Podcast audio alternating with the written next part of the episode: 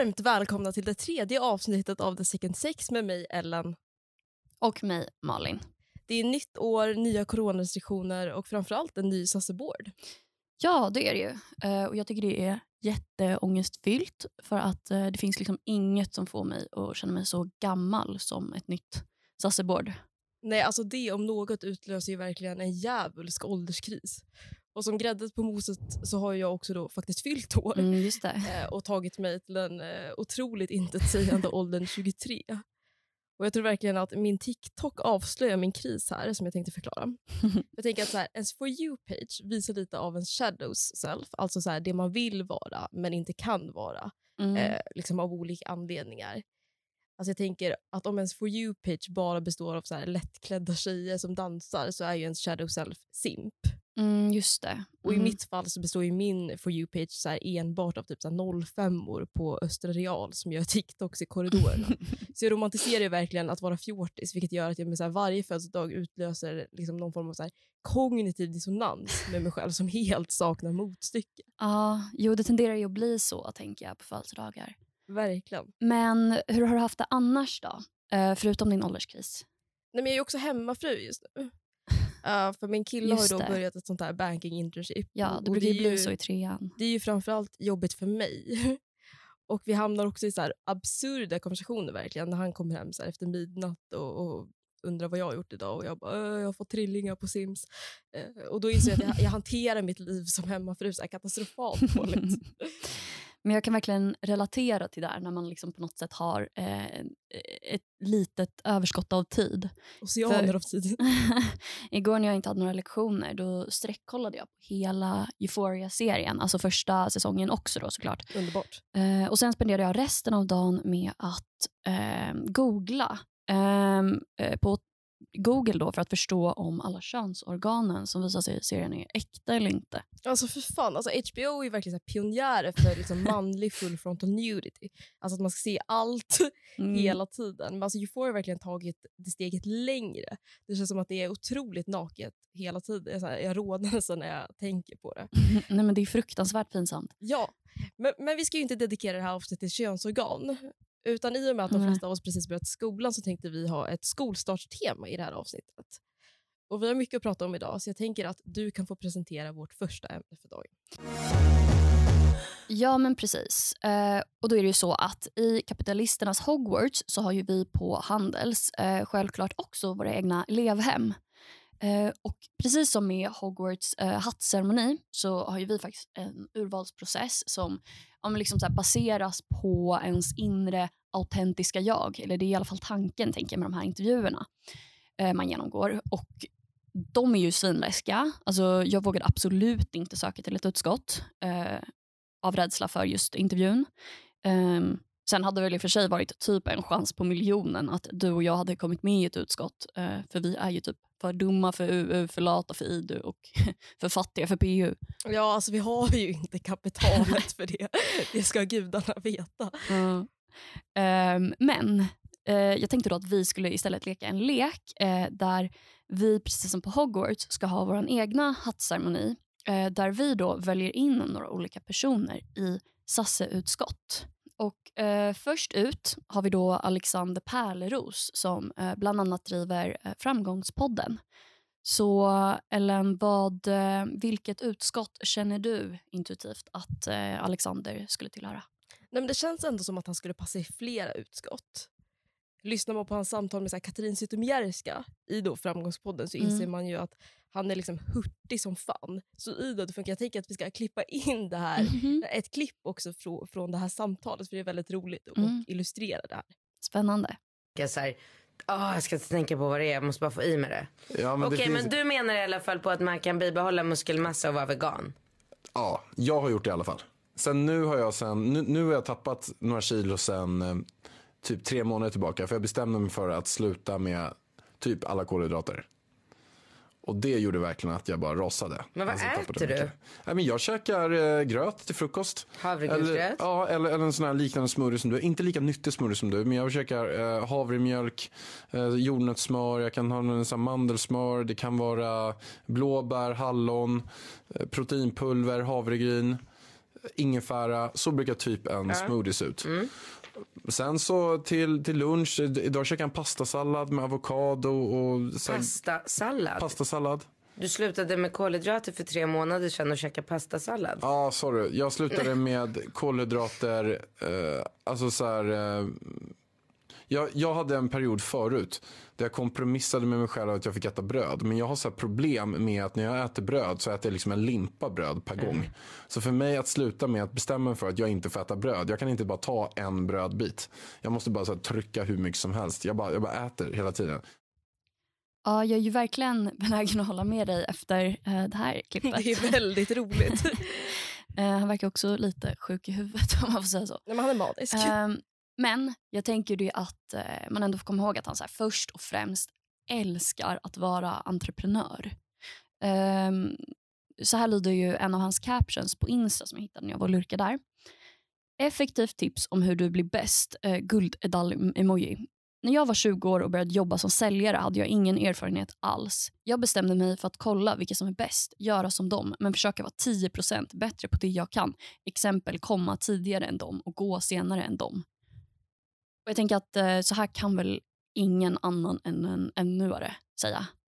Eh, och jag tycker framförallt liksom att han så här pratar i procent liksom som en metric. Eh, det, det är väldigt ännu-kompatibelt. Ja, det känns som att Pärleros har KPI för sitt liv.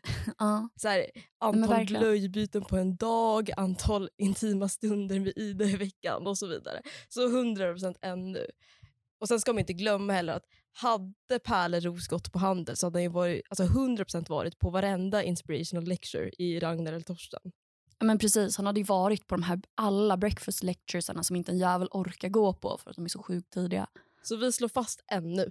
Ja. Så nästa person på tur är ingen mindre än politikern och tyckaren Hanif Bali. Mm.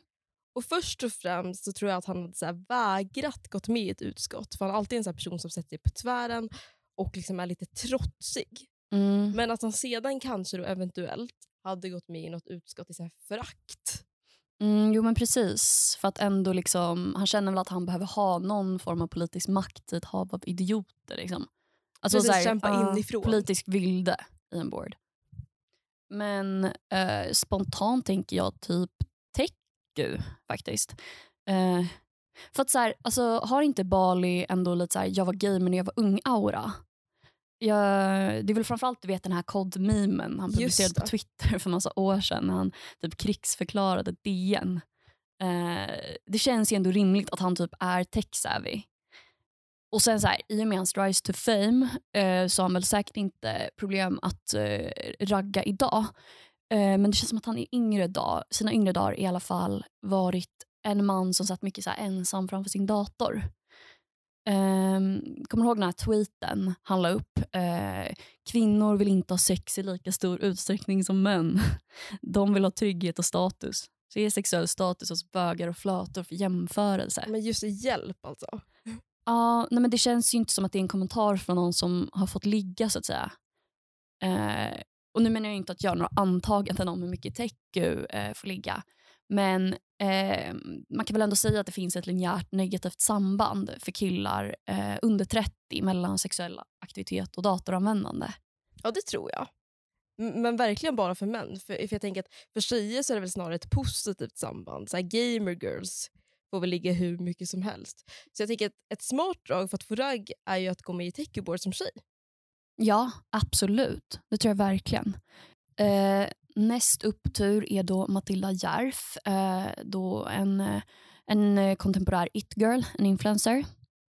Jag, om jag får spana här då så säger jag liksom omedelbart SU på grund av så hög likability.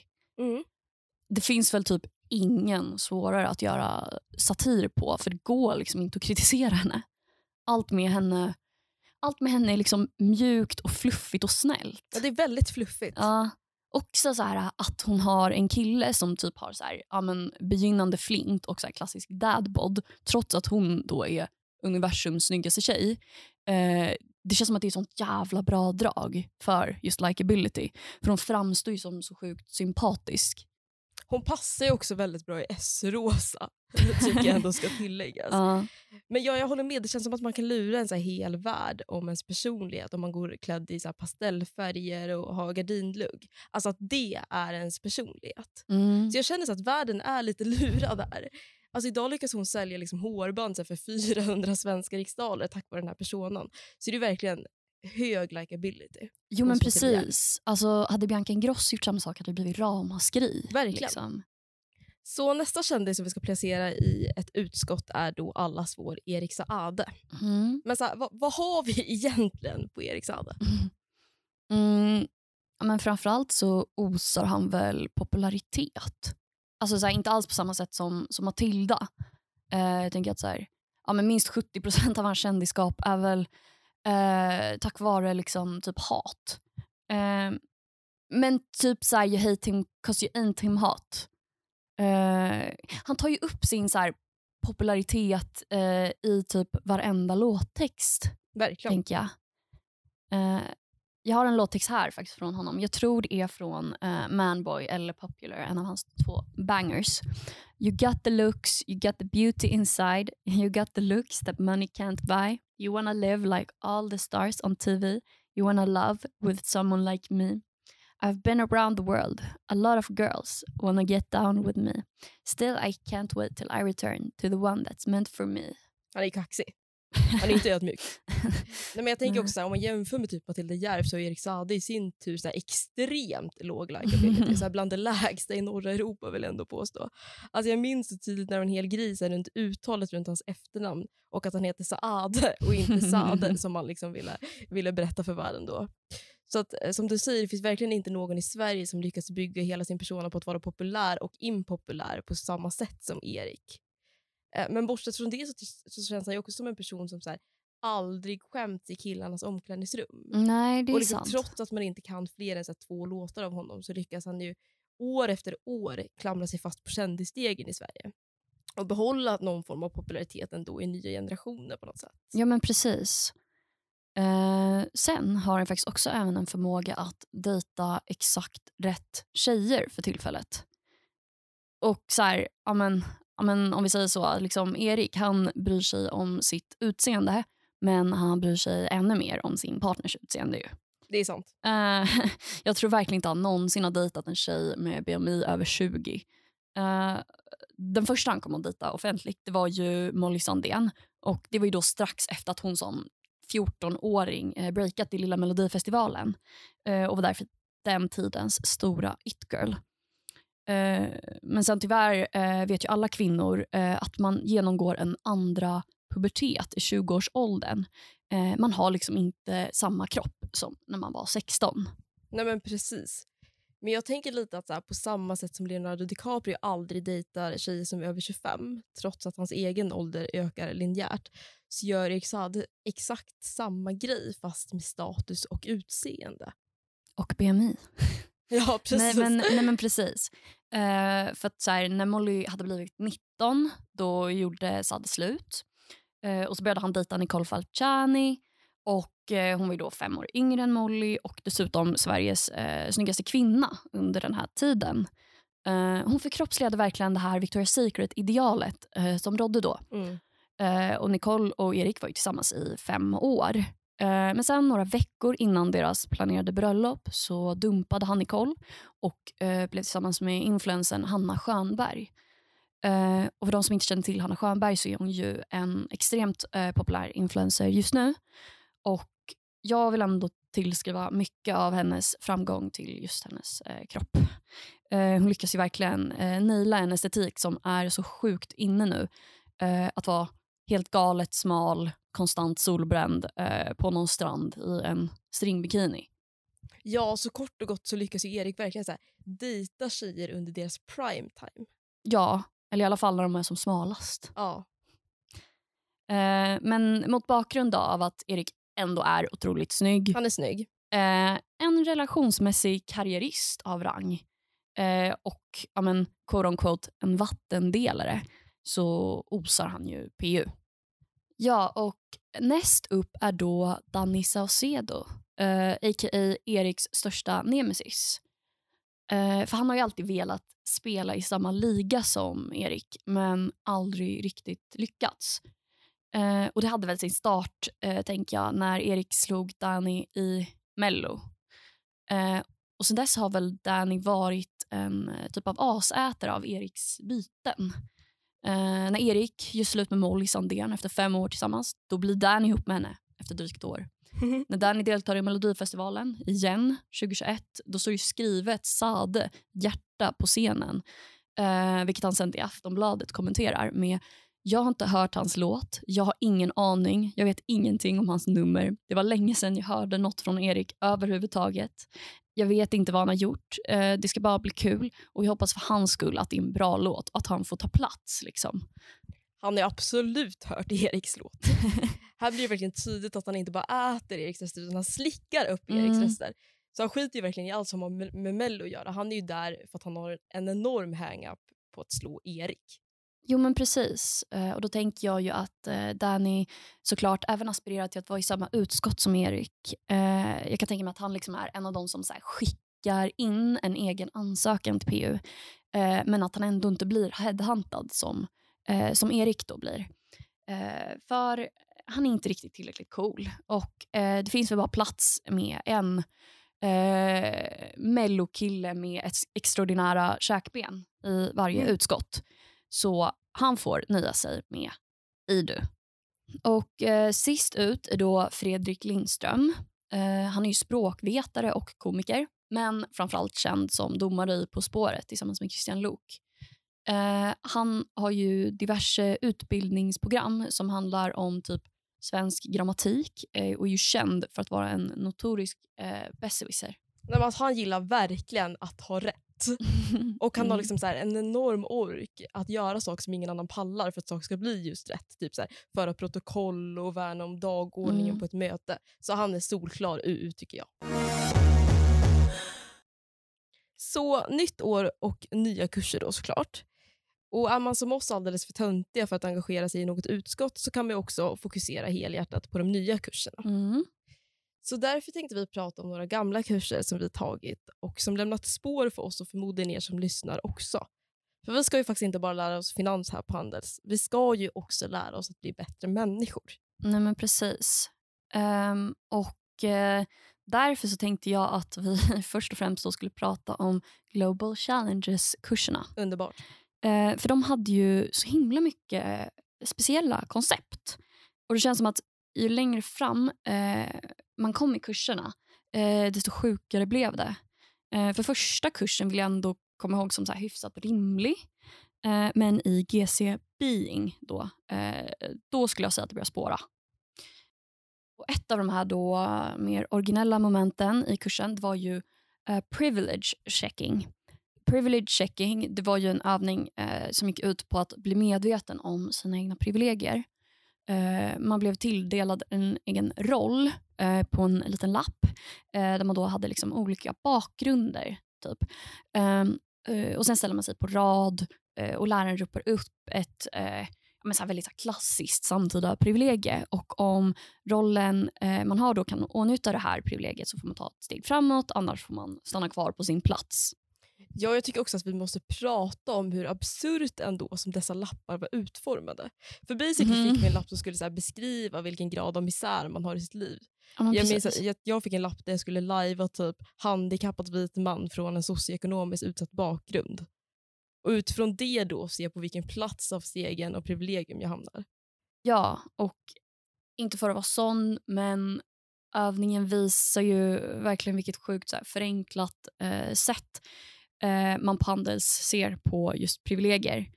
Eh, att man verkligen tänker att så här, strukturella förtryck eh, går att direkt översättas på individen. Ehm, och så fungerar det ju såklart inte. Eh, vi kan ju säga att vissa grupper upplever förtryck och andra besitter privilegier, självklart. Eh, men det säger liksom inte nödvändigtvis så mycket om hur privilegierad just du är som person. Eh, jag vet att min husgud Liv Strömquist eh, har pratat om det här eh, i ett P1-program som jag tyckte var väldigt bra.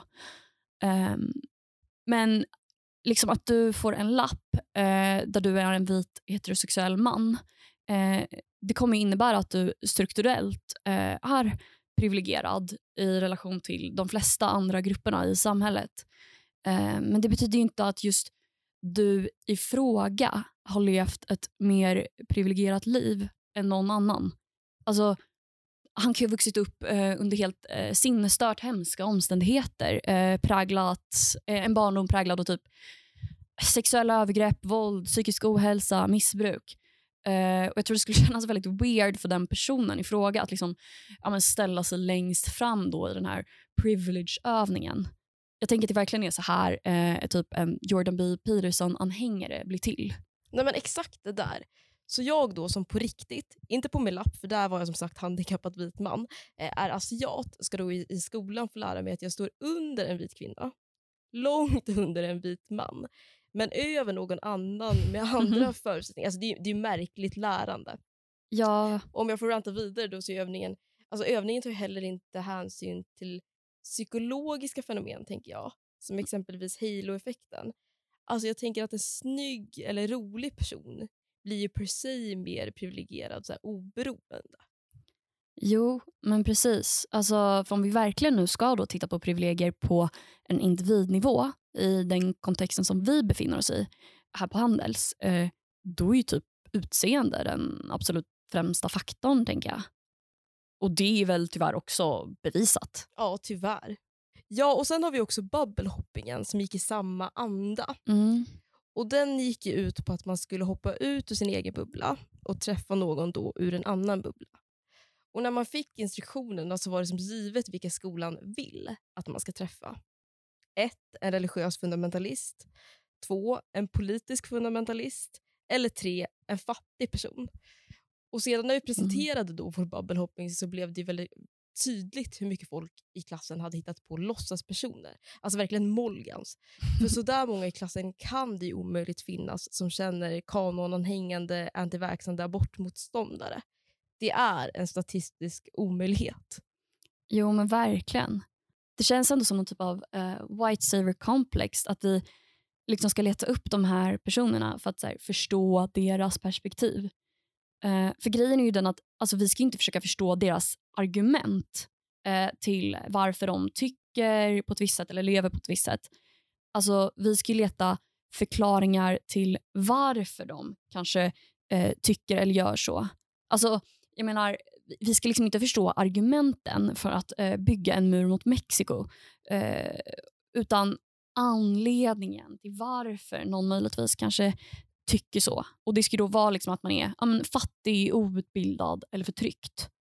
Eh, och Någonstans blir det att, att, att omyndigförklara de här personerna och sätta sig själv på en, en piedestal. Verkligen. Det känns som att få frågan av en handelsstudent att delta i bubblehopping är den största förolämpningen man kan få. Alltså hade jag fått den frågan så hade Mm. jag sagt upp vänskapen. Ja, men alltså, det betyder ju verkligen att du är den personen med absolut keffast liv eh, eller dummaste åsikter som hen känner. Eh, en annan rolig kurs då, eh, det var ju management. För eh, professorn eh, Jesper Blomberg. Eh, en rolig typ ändå. Nej, men han är så himla rolig. Alltså jag minns våra seminarier där man skulle göra ett personlighetstest och skicka in. Eh, ovetandes då om att han faktiskt samlade statistik på våra resultat. Så då berättade han på seminariet, och nu citerar jag så här. Om ni fortsätter den här takten så kommer ni vara fullblodsnarcissister om fem år. Ja, men det som verkligen gjorde managementkurserna eh, så minnesvärda för mig det var ju My Leadership-övningarna. Eh, för de handlade ju om att eh, utvärdera sitt eget ledarskap. Eh, bland annat utifrån en person som man varit ledare för och eh, en som man hade lett. Eh, och Jag personligen vill absolut inte bli en ledare. Jag eh, tror att jag skulle vara usel som det på grund av noll ansvarskänsla eller sociala färdigheter. Ehm, och under kursens gång så började jag ju därför eh, störa mig lite på det här, liksom, så här alstrandet av ledare som vi skulle hålla på med. För övningarna var ju verkligen så här utformade eh, som frågan om styrkor och svagheter på en jobbintervju. Eh, när så här, inte en jävel svarar ärligt. Eh, det är bara en övning i självsmicker.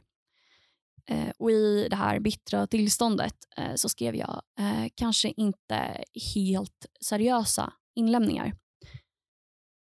Jag tänkte faktiskt att jag skulle läsa upp eh, några utdrag eh, ur en inlämning för dig nu. Jag valde att intervjua en av mina gamla chefer på lunchrestaurangen som jag jobbade på efter studenten.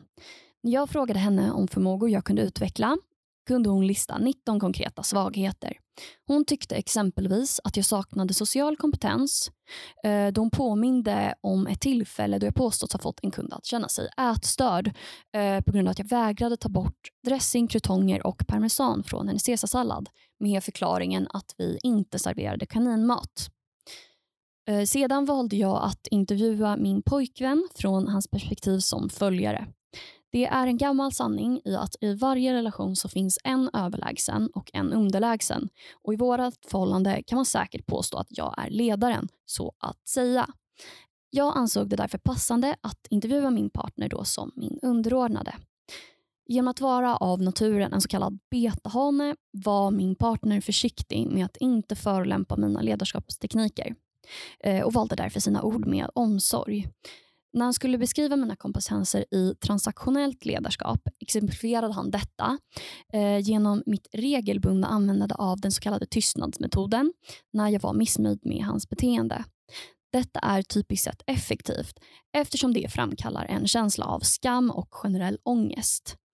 Eh, för att ytterligare förbättra mina ledarskapsförmågor kunde jag därför prova att använda komplimanger eller romantiska gester för att visa min uppskattning för hans ansträngningar som följare. Ja, eh, så personen som löste det här måste ju trott att jag var eh, spritt språngande galen och framförallt extremt orolig, bli extremt orolig för min kille. Eh, så jag tänker att man kan, ju, man kan anta att jag borde fått ett eh, rätt lågt betyg eh, för en sån här text. Vad, vad tror du Ellen att eh, jag fick för omdöme? Nej, men alltså förlåt, men det här är ju akademisk harakiri som du begår. Mm. Alltså, du ska inte kunna skriva så här på Handelshögskolan och få godkänt. Alltså, Wallenberg hade vänt sig i graven. Och Det roliga är också att ingen som skriver det här är en faktisk självrannsakan. Man är ju inkonsekvent i de texter man lämnar in på Handels. Skulle man så rada upp alla och läsa dem så skulle det, liksom, det skulle inte stämma överens med varandra. Eh, så givet allt det här så skulle jag ge dig högst ett good, eller liksom, knappt det. Alltså. Eh, jo, men precis. Det misstänkte jag också eh, direkt efter att ha skickat in eh, inlämningarna. Men till skillnad från eh, 99 procent av alla inlämningar jag gjort på Handels eh, så fick jag faktiskt full pott i de här övningarna. Eh, och Det fick mig verkligen att tvivla på Handels existensberättigande som institution. Så det var allt för oss den här gången. Tack så jättemycket för att ni lyssnade. Och Nästa gång så får vi faktiskt finbesök hela vägen från Uppsala. Mm, ja, precis. Eh, vi får ju verkligen hålla tummarna eh, att vi lyckas sköta oss så att eh, ja, men hela Stockholm inte behöver skämmas å våra vägnar.